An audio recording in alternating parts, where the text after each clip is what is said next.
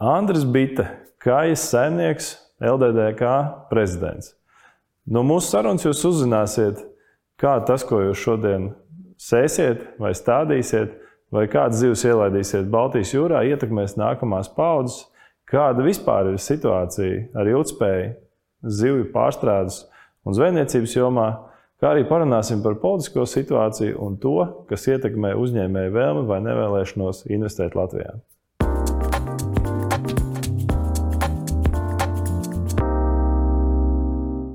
Andris Bitte, cilvēks, kurš savā ziņā ir atzīmējis eh, zivju pārstāvi Latvijā, šobrīd stūrē lielāko darba devēju apvienību, kas ir LDDK. Kā tu vērtē šo situāciju Latvijā? Esam izgājuši cauri Covid, karš, jauna valdība, ar ko sāksim jaunajā gadā. Nu, jāsāk tomēr būt ar, ja mēs skatāmies valsts līmenī, uh, ar, ar to, ka beidzot ir jāsaprot, ka uh, ekonomikā mums vajag daudz labāks rezultāts un ļoti strauji. Un tas nozīmē, to, ka uh, visai ne tikai valdībai ir jāsaņemās un, un jāsaprot, to, ka uh, nauda mums šobrīd ir pa maz. Mēs kā uzņēmēji esam par mazu skaitliski, par mazu izmēros. Un mums ir nepieciešams ļoti strauji audzēt šo sadaļu, lai pietiktu naudas skolotājiem, ārstiem un tā tālāk. Un ne tikai valdībai tas jāsaprot, tas jāsaprot visai sabiedrībai. Un bez tādiem iziešanas no zināmas komforta zonas tas nav iespējams. Bet nu, tas arī ir mans uzdevums un, un misija, kāpēc es iesaistījos LDDK, lai, lai šo sajūtu radītu un šo spēju varbūt uzņemt ātrumu ekonomikā panākt. Manā skatījumā sabalansētība starp uh, valsts sektoru un privāto savā ziņā ir tāds uh, ilgspējas viens no pamatnoteikumiem. Ja nav šī savstarpējā balanss ir ļoti grūti gan atrast vienus, kas ražo un maksā nolūks, gan otriem, kas neražo neko pacelt no sociālā budžeta atalgojuma. Kā tev izstāsta? Skatoties šobrīd uz to, ko dara valdība, ko dara uzņēmēji, kas notiek ar energo cenām, vai mēs esam uz tāda pozitīva viļņa, vai visas puses ir sapratušas kaut kādu kopēju vienošanos, vai tomēr vēl ar vienu katrs cīnās savā lauciņā un, un netiekam ārā uz kaut kādu kustību vajadzīgajā virzienā. Es domāju, pagaidām vēl joprojām ir sajūta, ka mēs neesam uz vienu viļņu. Jo pirmkārt, lai nonāktu uz vienu viļņu kādos procesos un darbībās, ir jābūt vismaz vienotai pozīcijai, visām pusēm jāpiekrīt, kādā mēs esam šodien. Un tur ir tā liela atšķirība gan par uh, kopējo ekonomiku, kurām mēs kā uzņēmēji sakām, nu nav normāli, ka mēs atpaliekam 20-30% no kaimiņiem, ko mēs sākām vienā starp pozīcijās.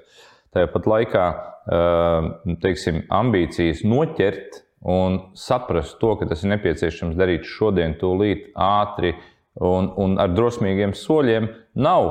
Jo lielā daļā, gan teiksim, valdības pusē, lielā daļā ir sajūta, man liekas, ka ir sajūta, ka nu, mēs kaut kā jau tiksim uz priekšu. Un tā ir taisnība. Lēnā garā jau mēs ejam, attīstāmies, augam.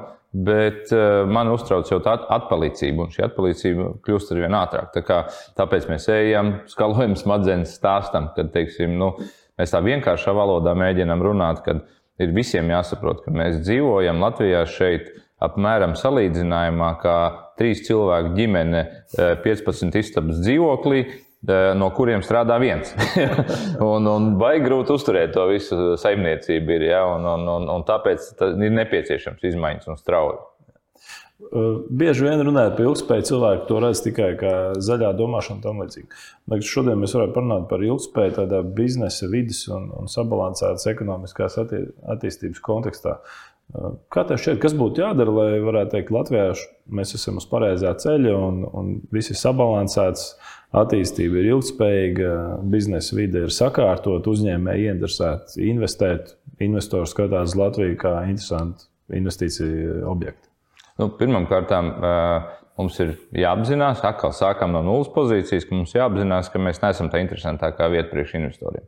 Gan priekš vietējiem, kas varētu investēties, godīgi teiksim, nu, uzņēmēji nejūtās vajadzīgi un mīlēt. Tāda iekšēja sajūta arī nav mazsvarīga lieta ārvalstu investoriem, kas varētu šeit nākt, pārcelt savas fabrikas, ražot, eksportēt, kas būtu ātrākais ceļš, kā ekonomiku celt, saliekot plusus, mīnus nodokļu politikā, darbspēku pieejamībā, energoresursu cenās. Nav neviena īpaši pozitīva piemēra, kāpēc, vai iemesla, kāpēc šeit nākt. Bet to var dabūt.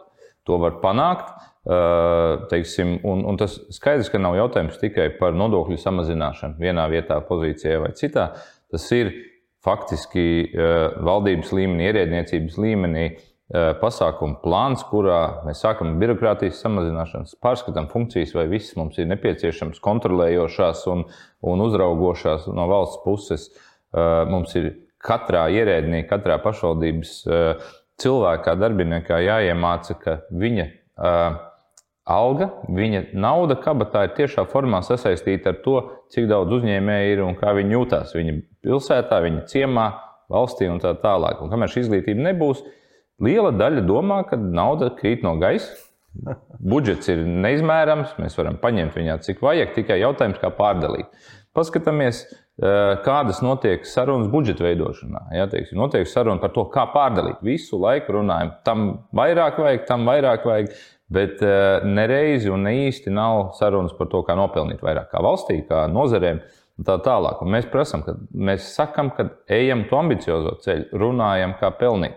Un Pozitīvais tas, ka tas ir iespējams izdarīt. Mūsu kaimiņi rāda, ka to var izdarīt, var piesaistīt investīcijas, varbūt ne tik interesantos pat tirgos un tā tālāk. Varbūt man personīgā sēde, man reizēm liekas, ka mūsu politiķi uz tādu attīstību skatās tā nevis kā palielināt uh, to naudas masu, ko var aplikt ar nodokļiem, bet gan kā palielināt nodokli.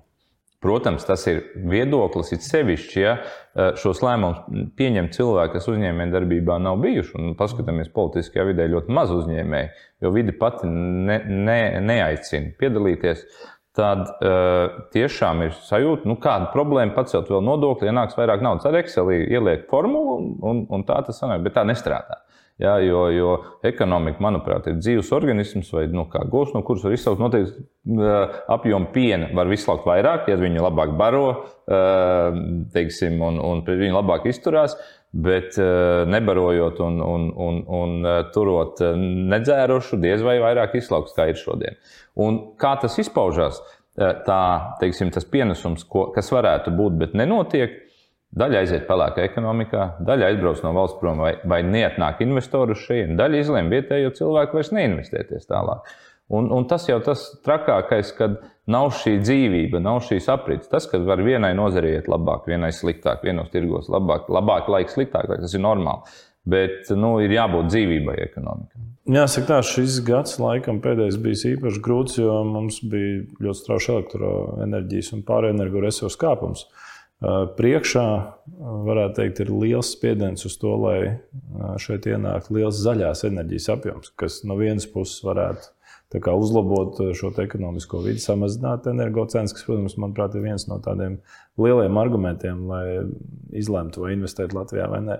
No otras puses, protams, nav zināms, cik tā zaļā enerģija maksās Latvijā pēc pieciem, desmit gadiem un cik viņa maksās Eiropā. Kāds ir tavs redzējums par šo bezatkritumu saimniecību, zaļo enerģiju un tās ietekmi uz uzņēmēju darbības vidi Latvijā nākotnē? Mm. Principā, ņemot vērā, ka no veselības speciālistiem Covid laikos mēs ātri kļuvām par enerģētikas speciālistiem, nav tā, neko daudz nesaprotot. Protams, tas ir viens no galvenajiem jautājumiem, kas mums šodien uztrauc, vai uzņēmējdarbība interesē, sevišķi ražojošā, patērējošā. Un, uh, Es teiktu, tā, ka vispār tajā idejā par zaļo kursu un to, to virzību ir, ir, ir divas trešdaļas, man liekas, populisma un, un runāšanas, no, ieskaitot no mūsu pašiem, nesaprotot lietas.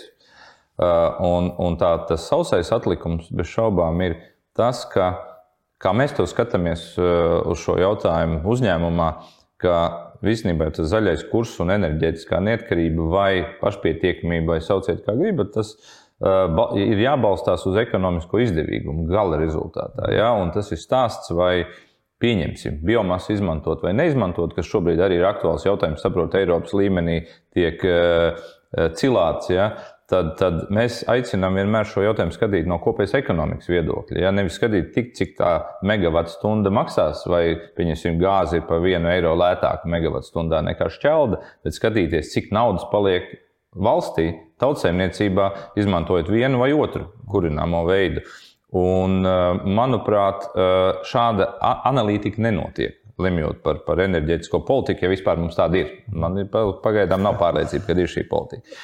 Ja mēs runājam par, par, par virzību uz enerģētisko, enerģijas nesēju maiņu un, un elektrības attīstīšanu un tā tālāk, nu, droši vien, kad arī paši mēs savā uzņēmumā ejam to ceļu. Mēs stādām saules paneļu parkus pie sevis, plānojam nu, maksimāli mēģināt saražot, ko varam paši. Ja?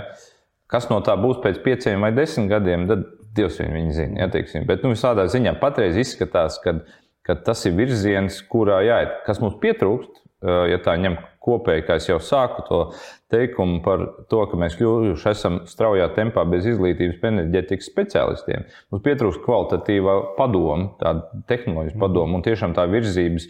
Vai mēs visi kopā, kā biznesa, nealojamies, domājot, ka mēs visi sev nodrošināsim pēc pieciem gadiem ar vēju vai ar saules enerģiju, Varbūt tās viņa būs dēļ tā mega lēta, vai vispār nebūs paņemama. Es nezinu, es, es, es modelēju dažādus riskus, tādus iedomātus.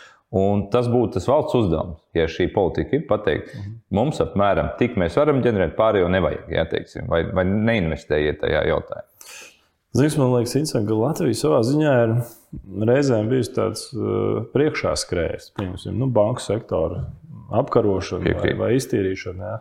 Uh, kā tev šķiet, vai šis dialogs starp uzņēmējiem, valsti un Eiropas Savienību attiecībā uz šo visu zaļo jautājumu risināšanu. Ir pietiekams, ja tas ir vairāk monologs no valsts perspektīvas, to mēs varam ātri ieviest, adaptējam un īpaši nepārunājam ar uzņēmējiem, kādas tam būs sekas. Jā, es teiktu, ka dialogs nav bijis. Uh, vismaz iepriekšējā valdībā viņš nebija viennozīmīgs, jo katra ministrija darbojās pa sevi. Un, un it sevišķi šajos jautājumos varams kamēr bija viņas pāraudzībā, visa enerģētika principā eh, ar biznesu nesarunājas vispār. Ir, tā, tas narratīvs bija pieņemts lēmums Eiropā, un mēs virzamies uz to. Un tieši šis pionieru ceļš, ka mēs pirmie ieviesīsim, nezinot, vai to vai vispār Eiropa viņu līdz galam ieviesīs, kas ir liels jautājums, eh, ir bijusi zināmā mērā mūsu problēma. Kas ir man zināms pārsteigums tikai nesen.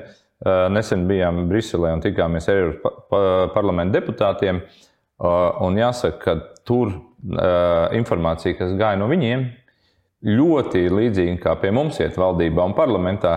Tieši šajos jautājumos, kad tas pats Roberts Zīle, pragmatisks Eiropas parlamenta deputāts, atzina, ka divas trešdaļas no šo jautājumu ap zaļo kursu virzībām ir populistiski, bez pamatoti, bez aprēķina veida lēmumi balsojumi. Viņi saka, būs vēl trakāk, jo tu, tuvojas Eiropas parlamenta vēlēšanas, un, un šis eh, nepaši eh, pragmatiskais pārnes ar vien trakāks idejas met. Un, manuprāt, es, es uzņemšos droši vien no apgalvot tādu drosmīgu aizdomu, ka es domāju, ka it sevišķi pēc šīs energo krīzes, kāda mums bija pēdējā gadā, kad droši vien šie virzieni vēl pamainīsies praktiskajā virzienā arī Eiropā. Eh, bet nu, to mēs redzēsim, kā būs. Man liekas, tas ir interesants novērojums. No vienas puses, ir pateikts, ka mums ir zaļais kurs līdz 2050 un būsim CO2 neitrāli, kas, protams, viss ir vajadzīgs un svarīgi. Bet līdz galam nav pateikt, kādi būs tie pakāpieni. Un tas, kā, zināmā mērā, būtu pareizi atstāt to brīvai ekonomikai, kas lietas sakārtoja. No vienas puses, mums negāja galīgi ar elektroautorātu iegādi pie vecajām degvielas cenām. Šobrīd, pabraukājot pa pilsētu, redzēt, ka drīz sabiedriskā autobusa joslās būs elektromašīnu sastrēgumi. Ja. Kā tev šķiet, ko mēs kā Latvijas uzņēmēji varētu pievienot šai diskusijai? Un, un, un vispār, vai ir kāds, kas ir gatavs mūsos ieklausīties? Es domāju, ka šobrīd ir. Ir sevišķi, ja tas saistās par, ja mēs nacionālā līmenī skatāmies jautājumos, kas saistās ar zemes resursu, mežu, teiksim, pragmatisku un ilgspējīgu, kā moderns vārds izmantošanu, tad es domāju, ka šobrīd esošais ministrs ir pietiekami eh, tuvu bijis nozerēm, lai saprastu, ka ar eh, revolucionāriem lozungiem un, un skriešanu vilcienam pa priekšu tomēr nav jāizraujās. Ja? Un, un tieši eh, šis stāsts, ka jebkurā no šiem jautājumiem tomēr ir jāņem tālāk aprēķini, kalkulators un, un, un izvērtējumi riskiem un iegūmiem. Ja? Un es domāju, ka tajā sadaļā tā pozitīvā virzība ir. Ja, kad kad uh, sarunas ar nozari notiks, nozarēm notiks konstruktīvāk, uh, pamatojot ar kaut kādiem pētījumiem un, un, un pamatojumiem, vai to pašu kūdras izmantošanas sakrā, vai tiešām viņi ir mhm. tik slikta, vai no viņas dzimst jauni koki un tam līdzīgas lietas, gan, gan citos ap šo virzienu saistītos lēmumos, jo kopumā jāsaka, ka es vispār atbalstu kā ideju tādu. Ja?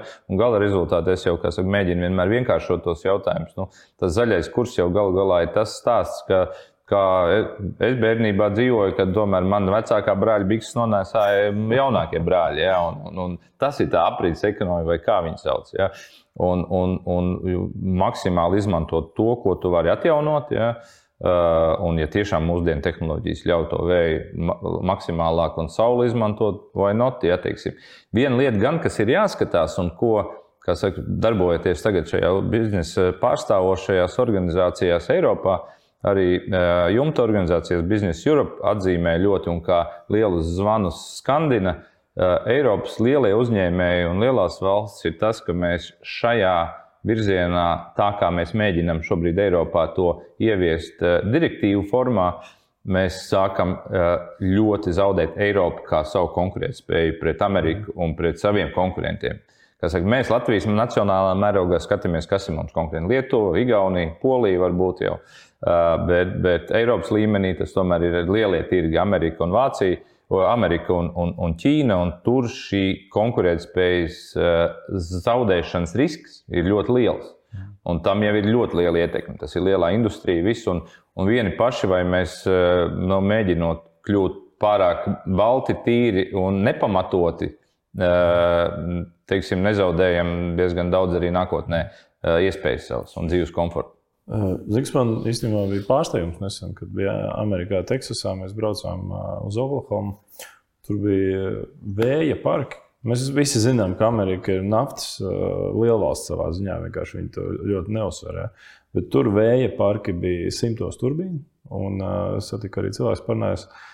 Principā tie ir simti megawatu jauda, kas ir uzstādīti šajās te Teksas augstienēs. Uh, Un šķiet, priekš kam valstī, kurā ir tik daudz naftas, un visi brauc ar pieslitrīgiem benzīniem, šobrīd rūpēties par elektrību no alternatīviem avotiem. Ja.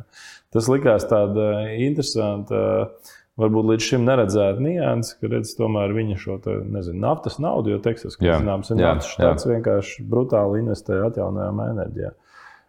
Man tas liek aizdomāties par to, ka reizēm tomēr ir vajadzība pacelt to degunu ārā un paskatīties uz to, kas notiek ārpusē. Jo citādi, vāroties tikai tajā savā suliņā, mēs varbūt palaidām garām kādu svarīgu notikumu. Ļoti daudzos gadījumos, nu, ne tikai par enerģētiku runājot, bet skatoties par to, jebkādas lietas valsts pārvaldē, vai servisu līmenis, vai tehnoloģijas. Ja, nu, mums nav jāizdomā no jauna ritenis. Ja? Mums ir jānokopē, jāpaņem labākie piemēri un jānokopē, ja? kas ir pasaulē izdomāts. Vai izglītības sistēmā tas būtu vai citur. Skaidrs, ka nav jēga, pieņemsim, nezinu, vienkārši sakot, kopēt no Indonēzijas, jo tur ir cita sabiedrība, cita kultūra, cita, bet, bet, ja paskatāmies tepat Eiropā, tuvākajā Skandināvijā, mums daudz lietas, ko mēs savā biznesā ne, nekautrējamies. Mēs zogam idejas un viņas pielāgojam savam biznesam.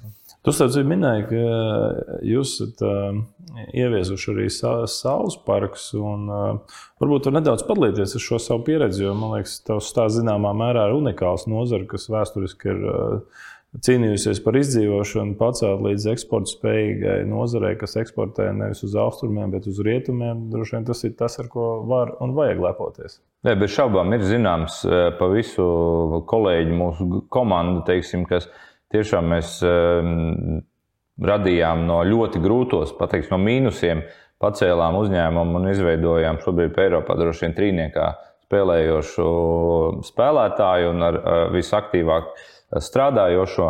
Bet, nu, ja mēs pieskaramies teiksim, tam pieredzēm, nu, par to pašu saules paneļiem, kā minēju, mēs esam sākuma projektā. Mm. Daži mūsu kolēģi jau ir uzlikuši. Mums ir divi čempioni, kas ir tur, Banga un Unda uzņēmumi, kas jau savus parkus ir ierīkojuši. Mēs arī skatāmies no tā, ja mēs varam daļu no savas enerģijas paši saražot, un mums ir iespēja šodien tajā investēties, kāpēc ne? Ja? Kā tu vispār vērtē šo zivsaimniecības nozari? Publiski ir izskanējuši diezgan daudz viedokļu, arī protams, internetā, dažādos resursos par to, ka, diemžēl, arī šis te, uh, lasis, ko mēs visi esam iecienījuši, ka arī viņš galīgi netiek audzēts ilgspējīgi. Kā tas ir no nozares puses skatoties? Pirmkārt, kā jebkurā nozarē, ir ļoti daudz objektīvas informācijas un ļoti daudz informācijas, kura tiek virzīta telpā, tāpēc, ka ir starpnozaru cīņas. Ja? Nu, būsim realisti.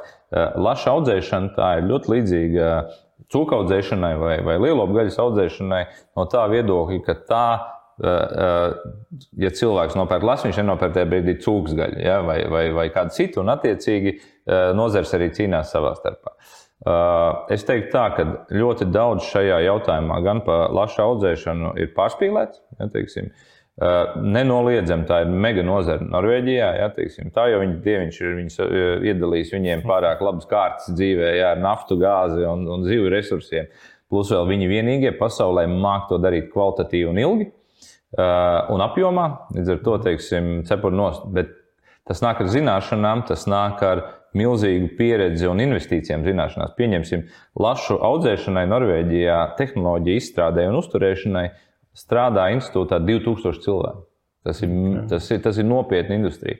Un viņi vienīgie būtībā pasaulē pierādījuši, ka viņi to var spēj izdarīt ilgi. Un, un, jā, protams, ir ka, katrā uh, jomā ir arī dažādi, teiksim, nu, tādu. Uh, stingru uh, kustību vai ierobežojumu piekritēji, nu, ir sevišķi, teiksim, viss, kas saistās ar dzīvniekiem, un, un, un kā mēs zinām, kažoks zvēru ierobežojumi. Un, un lašiem nepatīk, ka viņiem nevar viņi izskrieties kādam nu, pašu pa jūru. Kā.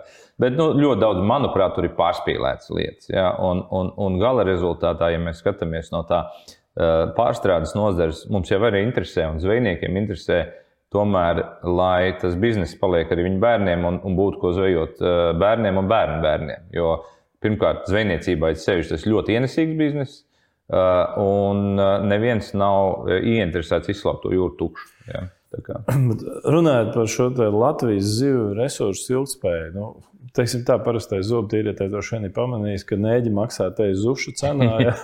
Baltijas jūras lasi, manuprāt, vispār vairs nevaram nopirkt. Jā. Un, eh, cik es atceros, vēsturiski Latvija bija zināma, tāpēc, mums bija brētliņas eļļā. Jā. Kā izskatās šobrīd mums jūrā? Ir zivis, nav zivis, jūs viņus visus pērkat no ārzemēm, vai tomēr ir arī vietējās? Mēs paši uzņēmumā, protams, lielāko daļu pērkam no ārzemēm, no, no Ziemeļjūras un, un vispār sākot ar visu pasauli riņķi ar ekvatoru. Uh, bet kopumā tas tāpēc, ka mūsu sortiments produktu grupa ir, ir pamata orientēta uz okeāna zivīm. Uh, Baltijas jūrā uh, brētliņa reņģi ir, Ar citām zivīm ir švakāk, bet tam es varbūt varu pieskarties kāds izskaidrojums.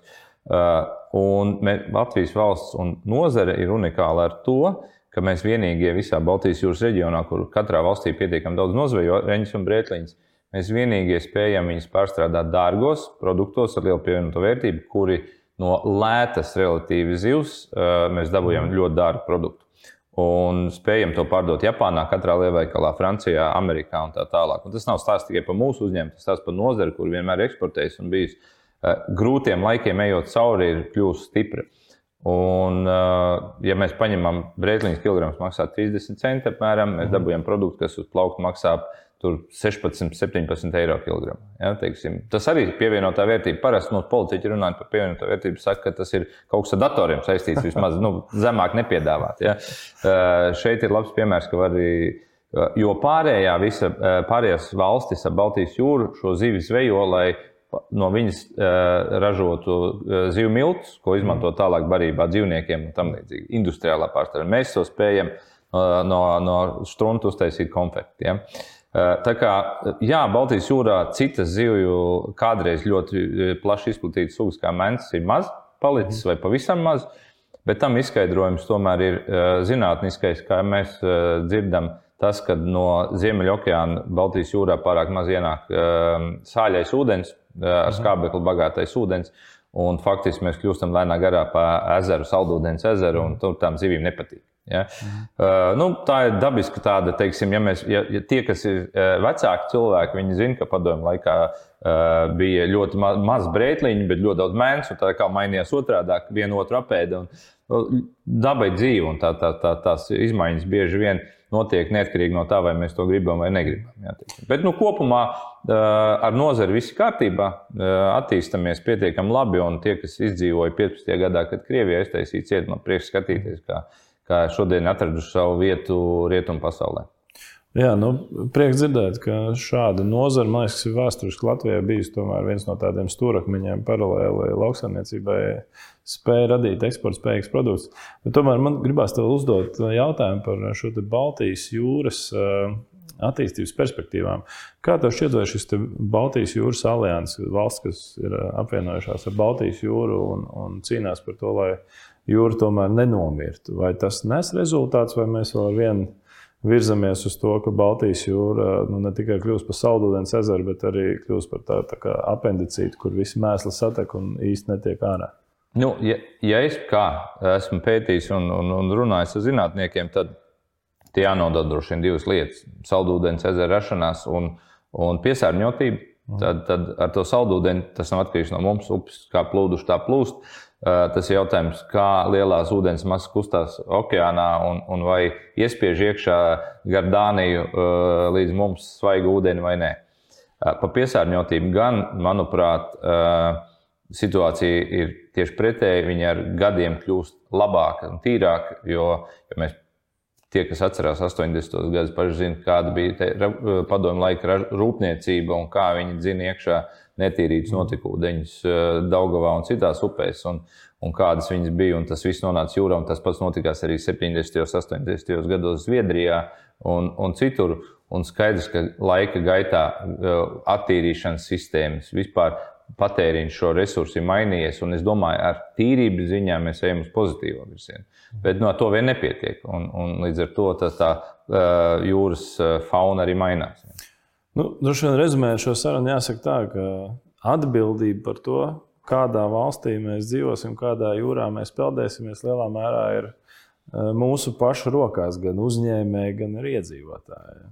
Bez šaubām. Nu, visam ir stāstam, jebkurā nu, lēmumā un jebkurā jomā tomēr ir jāskatās, nu, vai, vai tu domā par nākošo paudzi, kas būs pēc 20, 30 gadiem. Faktiski ne jau tā, ka par pasauli domāt, bet nu, par saviem bērniem. Vai, vai tu gribi atstāt viņiem vai ne kaut ko? Ja? Un, un, un tad jau tie, tās lietas pašas kārtojas. Tu nenocirtīs pēdējo koku, Tu stādīsi jaunus kokus iekšā meža saimniecībā, tu nezvejos visas zivis ārā, tu atjauno zivu resursus, audzējot jaunas, teiksim, un laižot iekšā jūrā, kas notiek. Tas arī nu, tāds latviešu pamatīgais tas, tas dzīvesveids, ka tev, lai tu kaut ko nopļautu, tev kaut kas jāiestāda. Jā, super. Es domāju, tā ļoti laba atziņa. Paldies tev par sarunu. Paldies!